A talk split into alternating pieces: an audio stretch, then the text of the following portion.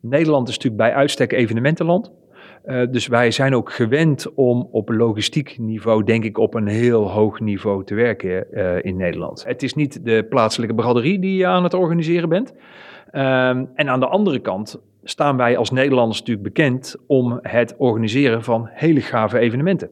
Of dat het nu de dance scene is of andere evenementen, grote festivals, daar staan we bekend om. Dus dan willen we er ook iets speciaals van maken. We zouden denk ik voor Nederland te simpel afdoen om daar gewoon een evenementje te draaien die volledig draait om die anderhalf uur op zondag.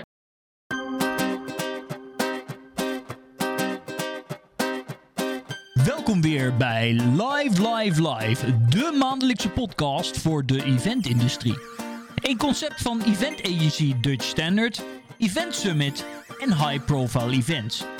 Elke maand de tofste insights, de nieuwste trends, gevoelige topics en natuurlijk creatieve uitbarstingen.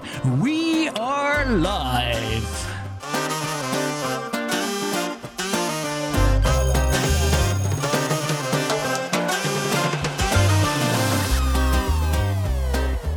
Welkom alweer bij de zesde aflevering van Live Live Live, de podcast voor de evenementenbranche. En uh, wederom vanuit Studio A61 Amsterdam. En naast mij, vertrouwd gezicht, Bardo. Arjen. En wie hebben we als gast vandaag, Bardo? Ja, wie hebben we van gast? We hebben vandaag als, uh, als gast uh, Robert van Overdijk, de directeur van CM Circuitpark Zandvoort. Ja, en we gaan het hebben over de Grand Prix. Ja. De return of the Grand Prix op uh, het circuit. Voordat ik uh, wat aan Robert ga vragen, hoe uh, heb je afgelopen weekend beleefd? Zondag? Nou, afgelopen weekend, nou, één, het was een schitterende race. Ja. in de dagen voorafgaand dacht heel Nederland al dat hij wereldkampioen was. ja. dus natuurlijk hadden we hem graag op het hoogste streetje zien staan. Maar misschien ook wel goed dat hij gewoon tweede is geworden. Ja. want dan staan we allemaal weer een beetje terug met de beentjes op aarde. Maar volgens mij is het wel een, een, een voorbode van een schitterend seizoen. Ja, denk ik ook. Het was spannend. Ja. Ja, ik moet zeggen, ik ben niet een enorme uh, kenner uh, slash liefhebber. Uh, tenminste niet van de, van de sport. Maar inmiddels, na al mijn inlezen, wel van, van het evenement de Grand Prix. En ik herinner mij dat ik lang geleden, dat is denk ik toch wel een jaar of 15, toen ik nog mijn studie event management deed, was een van de projecten was, maak een bidboek voor het terughalen van de Grand Prix. Toen, naar, toen al? Toen al, ja. Dat is dus ja. echt lang geleden. Lang geleden. Nou ja, nu zo'n 15 jaar later gaat het uh, hopelijk gebeuren. Ja? Kan je ons eens meenemen in, in dat proces? Hoe ziet dat eruit? Um, maar vertel eens wat over jezelf misschien nog. Laten we dat eerst doen.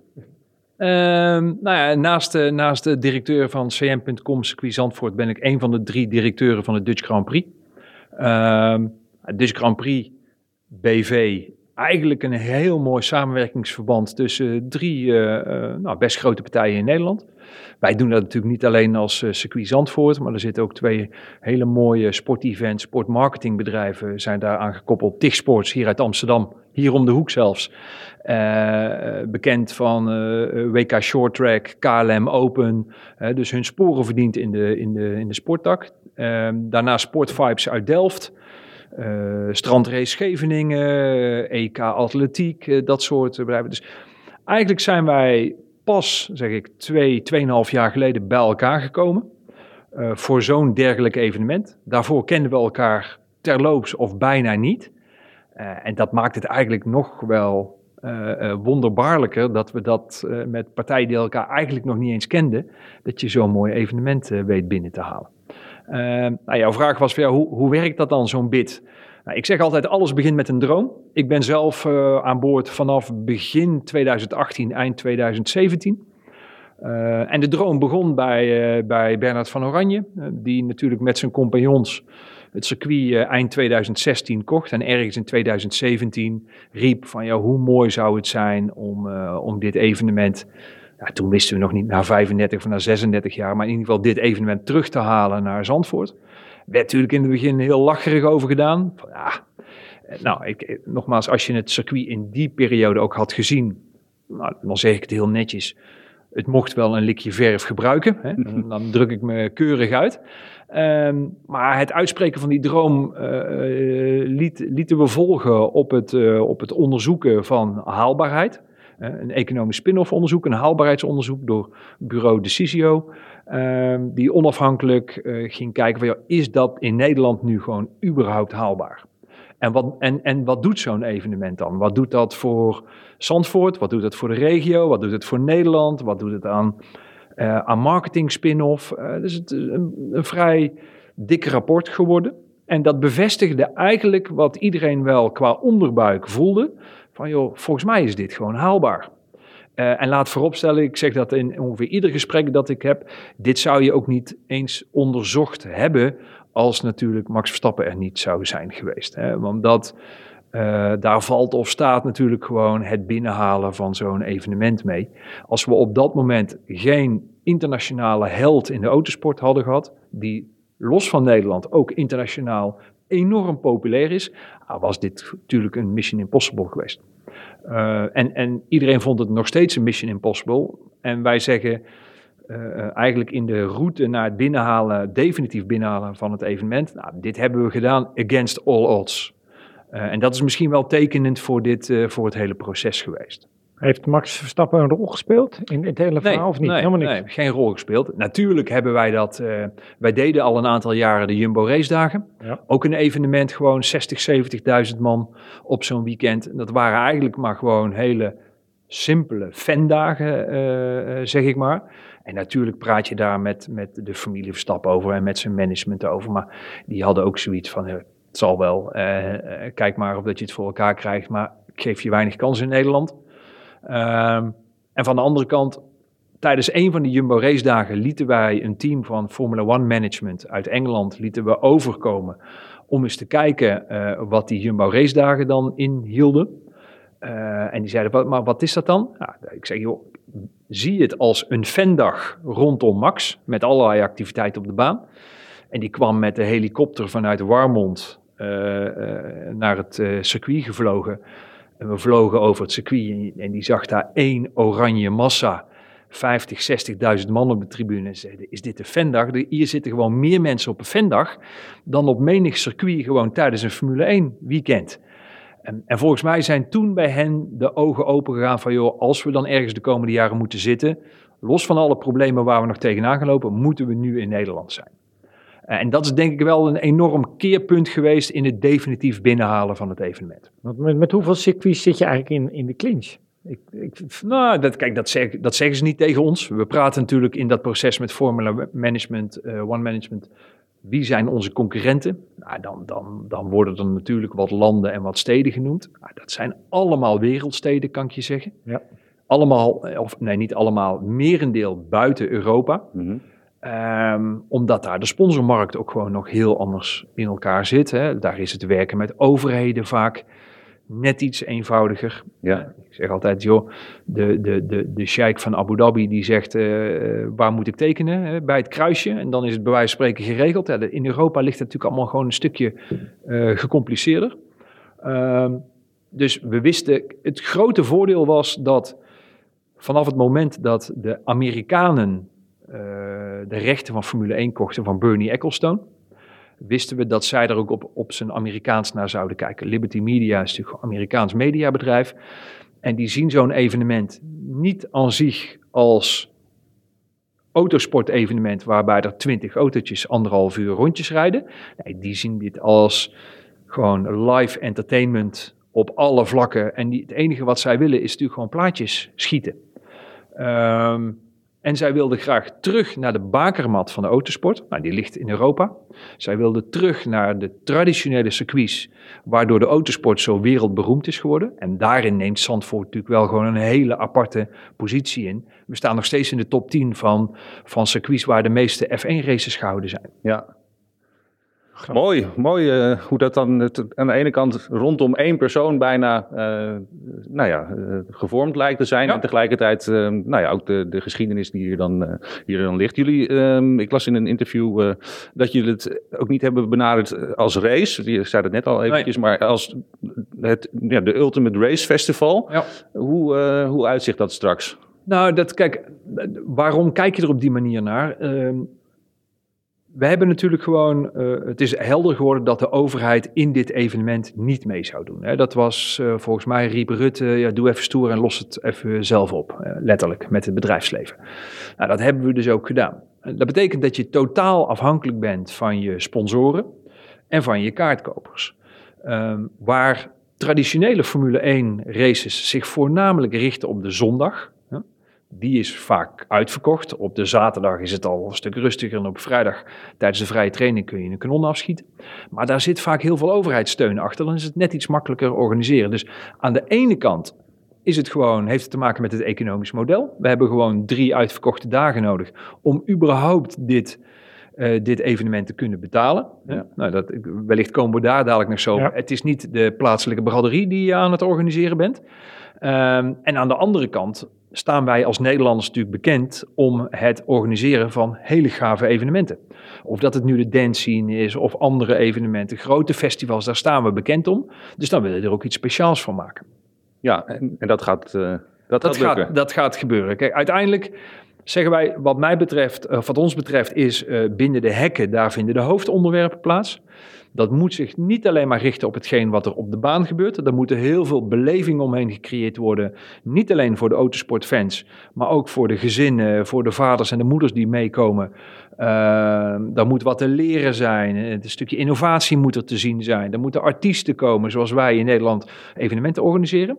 Daarnaast hebben we gezegd, buiten de hekken. Dat is voor ons minimaal net zo belangrijk. We zitten in een vrij compact gebied. Hè, qua bereikbaarheid. Ongetwijfeld dat jullie daar dadelijk nog wat vragen over gaan, ja. uh, gaan stellen. Ja. Uh, dus we hebben die spreiding van die bezoekers, niet alleen binnen de hekken, maar ook buiten de hekken, hebben we gewoon nodig in ons mobiliteitsvraagstuk. En daarnaast uh, vinden we het ook belangrijk dat zo'n regio gewoon mee profiteert van zo'n evenement. Want die, dat, dat, die positieve vibe, dat positieve draagvlak, dat hebben wij ook gewoon voor de komende tien jaar nodig. Want hoe, hoe staan, want het is natuurlijk, het, ligt waanzinnig natuurlijk. Hè. Ik denk een ja. circuit wat zo mooi aan zee ligt, ja. maar natuurlijk logistiek alle belabberds met twee wegen die naartoe gingen. Natuurlijk, we hebben daar de hele heibel over dat uh, ook de, het verhaal natuurlijk van de coureurs die over het strand van Noordwijk naar ja, Zandvoort Ja, was niet ons idee overigens. nee, nee, zeker nee, niet. Want, want, heb, je, heb jij, en even voordat ik op Zandvoort zelf kom, heb je te maken met heel veel eisen van coureurs en, en teams dat nou, je aan moet voldoen? Nee, valt eigenlijk wel mee. Uh, kijk, die, die, uh, die rijders die willen gewoon een aantal zaken. Die willen uh, goed slapen. Heel veel rijders nemen ook gewoon hun eigen materieel mee op dat vlak. Ik zal niet vertellen waar ze slapen, maar uh, liefst slapen ze gewoon in hun eigen bedje. En hoe dat ze die creëren, dat is aan hen. Mm-hmm. Um, en, en ze willen gewoon op tijd op het circuit kunnen zijn. Ze willen op tijd eten en drinken en zich afzonderen wanneer ze dat prettig vinden. Daarnaast hebben zij natuurlijk hele teams bij zich. En die willen het liefst ook allemaal relatief in de buurt willen die, uh, uh, verblijven. Dat zijn eigenlijk de belangrijkste eisen. Ja. Dus, dus verbazingwekkend als je ook die rijders meemaakt uh, in zo'n paddock. Hoe gewoon dat het is. Ja. Uh, mijn vorige job bij de Brabanthallen deden we wel eens concerten. En dan kreeg ik riders van artiesten wat ze allemaal in hun kleedkamer uh, wilden hebben. Van speciale whiskies tot speciaal fruit tot whatever. Heb ik bij deze gasten gewoon totaal nog niet meegemaakt. Dat is wel mooi. Ja. Maar goed, je zit dus, dus met, met een, een, een Zandvoort, wat, wat het dorpje, wat, uh, wat kijk, een dorp gewoon...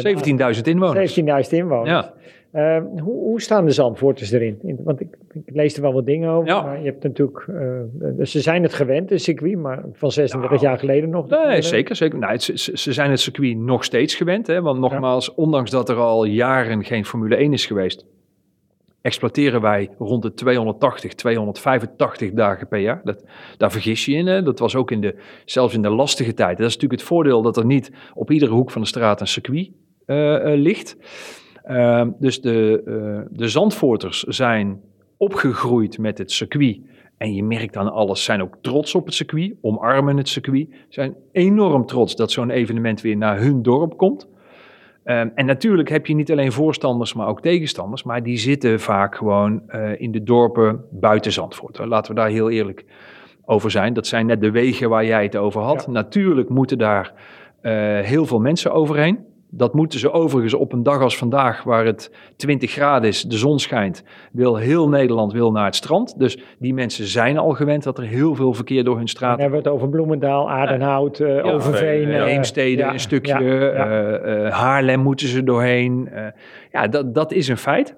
Um, en van de andere kant hebben wij gezegd toen we met dat mobiliteitsplan bezig waren, joh, bekijk nu eens van de positieve kant. De hele regio en dan bedoel ik die gemeente waar jij het net over had, samen met de provincie waren al twintig jaar aan het discussiëren hoe gaan we dat, die spoorcapaciteit, die spoorverbinding tussen Amsterdam en Zandvoort, wat een rechtstreekse verbinding is, hoe gaan we die nu opwaarderen? Want we zien iedere zomer, iedere mooie stranddag, zien we het gewoon vollopen. Nou, daar kwamen ze met elkaar niet uit. Maar door de druk van zo'n evenement ligt er nu wel gewoon een opgewaardeerd spoor, waar in plaats van twee boemeltreintjes per uur, uh, nu ook al in het hoogseizoen zes treinen per uur rechtstreeks tussen uh, Amsterdam en Zandvoort kunnen rijden. Um, dus op dat vlak gebeuren ook hele positieve zaken, waar denk ik ook omliggende gemeenten van profiteren. Um, en zo'n opwaardering van het spoor vanuit de druk van zo'n evenement, ik zeg er altijd bij, hij is echt niet gebouwd voor het evenement. De regio profiteert daar ook van. En daar profiteert de regio, denk ik, de komende 10, 20 jaar van. Dus er, gebeuren ook positieve zaken vanwege de terugkeer van zo'n evenement. Waar ook de, tussen aanhalingstekens, tegenstanders ook zich moeten realiseren dat het voor hen ook positieve zaken brengt. Ja, want het, uh, nou ja, de honderdduizend mensen. Zijn het overigens uh, elke dag dezelfde mensen? Of zit daar nog... Nee, er zit verschil in. Ja. We hebben natuurlijk... het overgrote deel van de mensen heeft een paspartout of een weekendkaart gekocht. Ja. die willen er echt meerdere dagen zijn. En er zijn ook losse dagkaarten verkocht. Nou, we praten over 104.000 bezoekers per dag. Nou, daarnaast verwacht ik nog ergens tussen de 10 15.000 mensen die op of om het circuit bezig zijn. Op het circuit, horeca, toeleveranciers, buiten het circuit, de verkeersregelaars, nou, noem het allemaal op. Um, dus ja, dan trekt daar toch iedere dag zo'n zo'n 120.000 mensen richting Zandvoort. Overigens verblijft het overgrote deel in de omgeving. Uh, dat zie je natuurlijk ook uh, de, de Formule 1-fans, de Nederlanders in het buitenland. Dat zijn die gave plaatjes van die campings die je ziet in Oostenrijk. Ja. Nou, dat gaat hier natuurlijk ook gebeuren. Uh, Zandvoort en de regio leeft natuurlijk van toerisme. Um, uh, maar ook gemeenten als Noordwijk, uh, Lisse, Velzen, noem het maar op. Al die plaatsen zitten gewoon, hun hotelcapaciteit is gewoon vol. dus op dat vlak zullen er ook heel veel mensen in de regio verblijven. Verwacht jij ook een toeristische boost na afloop, als de hele wereld naar het Formule 1 heeft gekeken? Nou, dat, dat, dat, dat, denk ik wel. Kijk, pak bijvoorbeeld een evenement als de Tour de France. Nou, wat is nou, als je televisie kijkt naar de Tour de France, wat is dan vaak heel mooi? Dat is die mooie plaatjes die ze vanuit de lucht laten zien van château dit, château dat. Blijft toch hangen. Uh, Formule 1 is dan denk ik nog eens een keer van een andere orde uh, van grootte. Daar, kijkt iedere race rond de 450 miljoen mensen kijken naar. 450 Het is niet te bevatten. Nee. En natuurlijk is het een illusie dat die allemaal ooit eens een keer terug gaan komen in de, eh, in, in de regio. Maar stel dat er uh, eh, 5% ooit eens een keer terug gaat komen in die regio. Ah, moet je eens kijken wat dat voor economische spin-off geeft. Ja. Dus die boost, die, 100% dat die er gaat komen. Ja. Hey, de, de, je hebt het net over een stukje mobiliteit gehad. En jullie gaan inzetten op, op heel veel openbaar vervoer. Ja. Uh, ik las ook dat jullie 30% van de mensen met de fietsen nog willen, willen laten komen. Ja. Um, dan is er dat zijn de mensen die komen kijken. En dan heb je nog de, logistiek van uh, de Formule 1 uh, zelf. Ja. Uh, wat ook echt een soort van machinerie is. wat ook van echt ongekende proporties. Ja, um, en, en, en, wat een geoliede machine is. Ja. Dus als je naar de kalender kijkt. zeker in de periode waarop wij, waarin wij zitten. Dan heb je double headers, triple headers. Dus een, meerdere races achter elkaar. Dat betekent dat even los van de auto's. Want daar zijn er natuurlijk maar twee van. heeft ieder team gewoon voor meerdere races tegelijkertijd materiaal. Dus hun uh, mobile homes die opgebouwd zijn op het ene circuit, die worden niet afgebroken en gaan mee naar het volgende circuit. Nee, er is nog zo'n mobile home en in de tussentijd wordt die alweer op het volgende circuit opgebouwd. Dus uh, als wij kijken naar de opbouwperiode, dan zijn we denk ik een week of zes tot acht bezig. Uh, tribunes al iets eerder. Hè, is natuurlijk ook een mega-operatie. Maar Formula One Management komt een week of zes voordat zo'n evenement start, komt op je terrein en gaat dan zijn logistieke ding doen. Uh, en de teams zelf komen echt pas in de week voorafgaand aan de Grand Prix, komen die teams pas aan.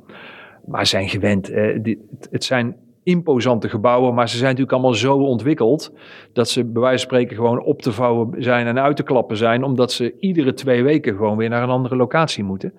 Uh, ik heb dat op, op een aantal circuits gezien. Ik ben wel onder de indruk van de geoliede machine dat dat is. Ja, ja, ik heb inderdaad even ter voorbereiding wat uh, YouTube-dingetjes gekeken. Dat Ja. is inderdaad wel echt heel erg. Toch eh, DL die dat... eh, op, op Dat is een van de partners Ja. van, eh, van eh, Formula One Management, ja. ja.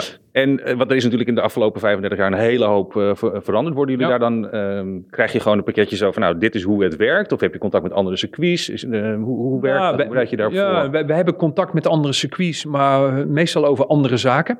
Ehm, ik denk dat wij, wat ik al zei in het begin, Nederland is natuurlijk bij uitstek evenementenland. Eh, dus wij zijn ook gewend om op logistiek niveau, denk ik, op een heel hoog niveau te werken eh, in Nederland. Ehm, los daarvan heeft eh, eh, FOM en FIA hebben gewoon hun eigen draaiboeken. Zijn het ook gewend. Dus daar maak ik me echt het minst eh, druk om. Wij weten vanaf welke datum zij het terrein opkomen. Dan zorgen wij dat de faciliteiten die wij op moeten leveren, dat die gewoon klaar zijn. Ehm, en vanaf dat moment gaan zij hun ding doen. Wij zijn ons ding daarvoor al aan het doen met het opbouwen van de tribunes, opbouwen van de hospitality tenten, noem maar, op.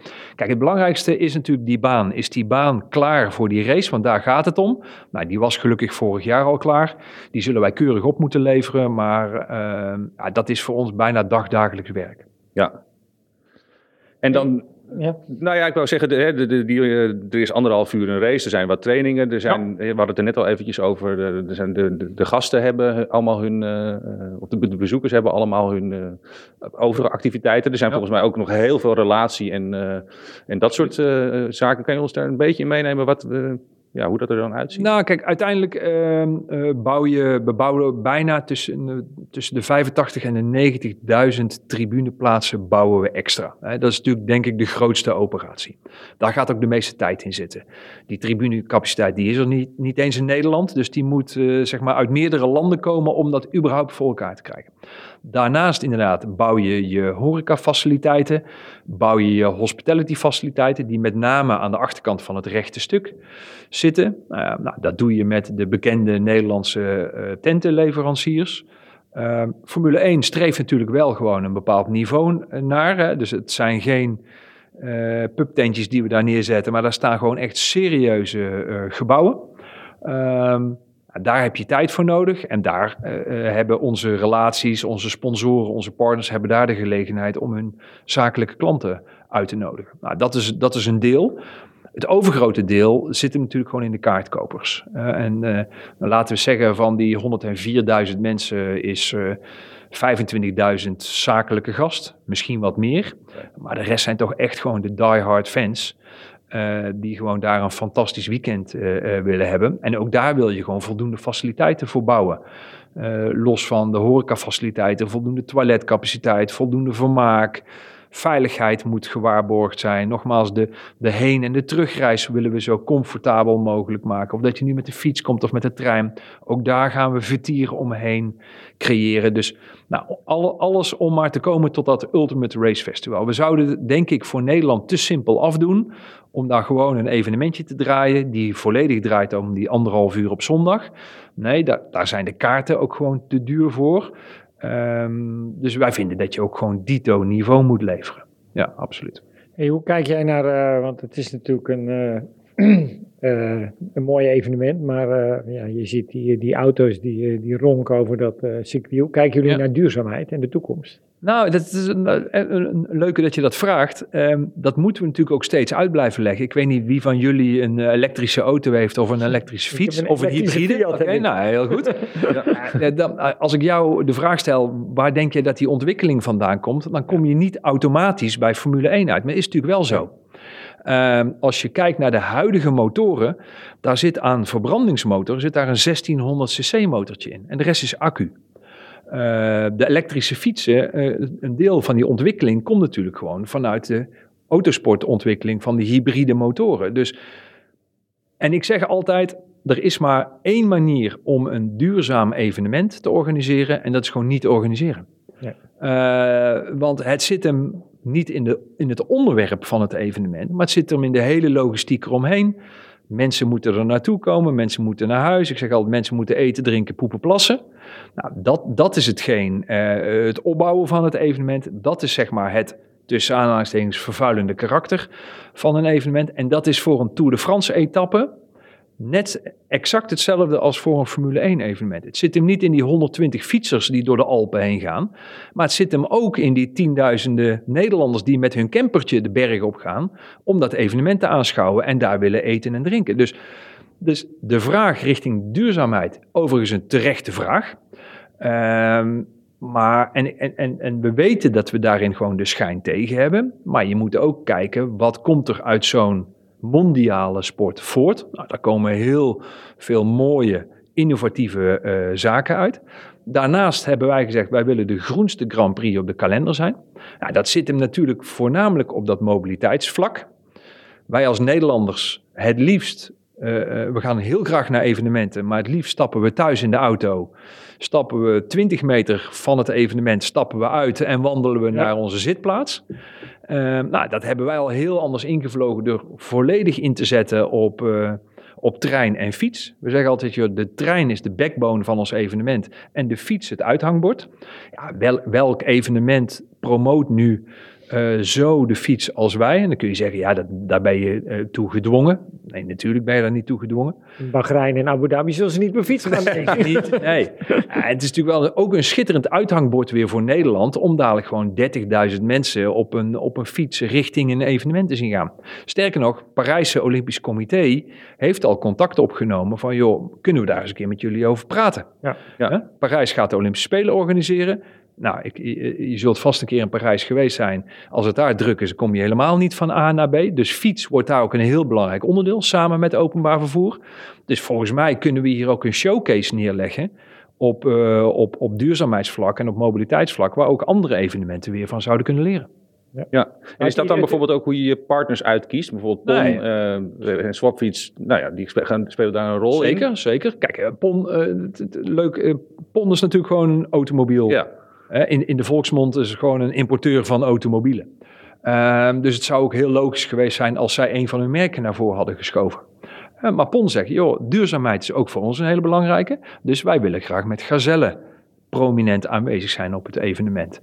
Uh, Volker Wessels heeft ook de verbouwing van het circuit gedaan.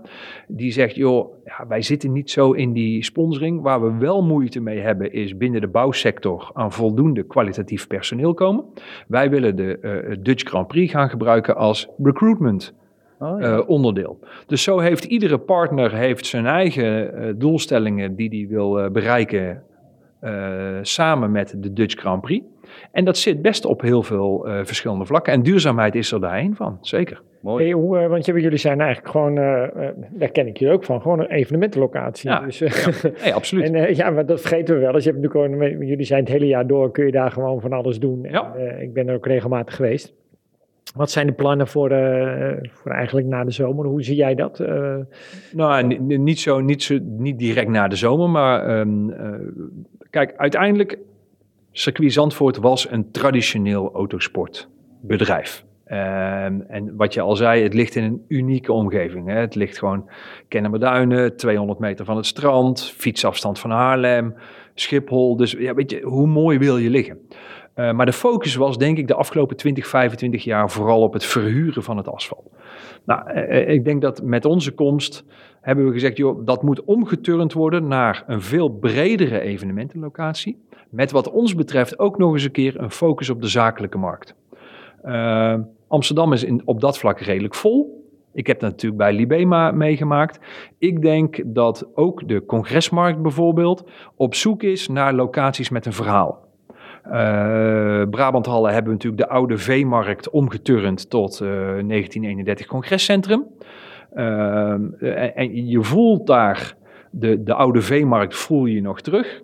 Uh, en het wil niet zeggen dat er dan alleen maar uh, koeienbeurzen worden gehouden.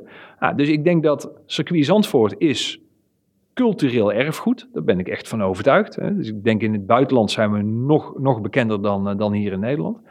En ik denk dat uh, er markt is, uh, absoluut, dat, dat hebben we gezien. Uh, als we focus gaan hebben op zakelijke markt en we gaan daar congresfaciliteiten bouwen met een mooi congreshotel. We hebben natuurlijk een beachclub die, uh, die net aan de andere kant van het boulevard ligt.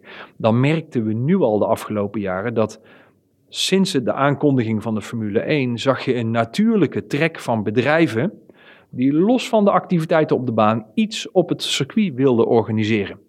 Of dat het nu een vastgoedcongres was of een IT-congres. Bedrijven zochten een haakje om maar voor zichzelf te verantwoorden dat er iets op het circuit werd georganiseerd. En dat had 9 van de 10 keer niet eens met een baanactiviteit te maken. Dus je merkt die aantrekkingskracht van zo'n circuit. Mensen die er nog nooit geweest zijn, die zeggen, ja, weet je, ik ben er nog nooit geweest, maar als ik dan door dat tunneltje ga, dan voelt dat toch een beetje magisch aan. Ik denk ook echt dat dat zo is. Uh, dus per definitie zou dat hartstikke aantrekkelijk voor de zakelijke markt moeten zijn. En daar ligt onze focus voor de komende jaren. Ik heb de circuitrun ja. gedaan. Ja. Waanzinnig. Ja. Om hardlopen over de streep. Dat is gek, ja. Waanzinnig om te doen. Echt serieus een hele mooie run. Ja. Hey, het, het, is ons uh, gelukt om het uh, 30 minuten lang niet over corona te hebben. Nee, nee, in, in de laatste, nou, laatste, even. laatste 30 seconden. Het is, het is natuurlijk op dit moment nog steeds onzeker. Um, op wat voor manier de race plaats gaat vinden. Wat wil je er nog uh, over kwijt? Nou ja, het, het, uh, volgens mij vat je het goed, uh, goed samen. als je kijkt naar de huidige regels, dan kan het vandaag de dag kan het niet. Ik zie wel gewoon heel veel positieve signalen. Ehm, wij zitten in september. Dus dat, we hebben echt nog wel gewoon een aantal maanden te gaan. Wij organiseren gewoon door alsof er 104.000 mensen per dag komen. Dat, dat kan ook niet anders, daar is de operatie te groot voor. En komt er een moment dat er ergens een kink in de kabel komt of uh, welke beperkingen dan ook opgelegd worden, ja, dan gaan we daar op dat moment mee dealen. wil niet zeggen dat we er, nu, dat we er niet over nadenken. Uh, maar het heeft geen zin om in scenario's te denken, omdat we niet weten hoe de wereld er over een maand uitziet of over twee maanden uitziet. Als ik Hugo de Jonge nu hoor dat voor 1 juli iedereen gevaccineerd kan zijn, nou, dan vind ik dat een positief signaal. Moet allemaal nog zien of dat, dat gaat lukken. Uh, en wij zijn echt nog heel positief gestemd en gaan ervan uit dat het in september gewoon een hartstikke mooi festival gaat worden. Laten we het hopen. Ja, we hopen erop. We hebben een mooi jaar. Dus, uh, ja, toch? Hetzelfde als voor Eurovisie Songfestival, EK ja. en de Formule 1. Dus het, uh, Nederland wordt op de kaart gezet. En uh, hopen dat we allemaal weer mooie live evenementen. Wil je nog een, een, tip tot slot aan de mensen thuis? Als, een, een tip, tip, voor, tip, de, van, tip voor, de winnaar? Hè, van, dat, dat, winnaar? nou, ik zei al, joh, la, laten, we, laten we hopen en zo ziet het er wel uit dat, er, dat het een fantastisch raceseizoen gaat worden. Dat Max mee gaat doen uh, echt om die wereldtitel. Ik zag zelfs Jack Ploy zeggen: de eerste, eerste moment dat hij wereldkampioen zou kunnen worden is Zandvoort. Nou, dan, dan ga je wel heel erg wishful thinking doen. Maar laten we hopen dat hij meedoet voor de wereldtitel. En, en dan is het natuurlijk fantastisch dat we in Nederland rijden. Ja, geweldig. Heel mooi. Dankjewel. Ja, Robert, dankjewel. Bardo ook weer bedankt. Oh, ja. uh, tot de volgende. Respect. Tot de volgende. Live, Live, Live wordt mede mogelijk gemaakt door HD Rent, Delight Event Design en gestreamd vanuit Livestream Studio HF61 in Amsterdam. Wij wensen jou nog een hele mooie dag vandaag en we verwelkomen je graag weer bij de volgende editie van Live, Live, Live.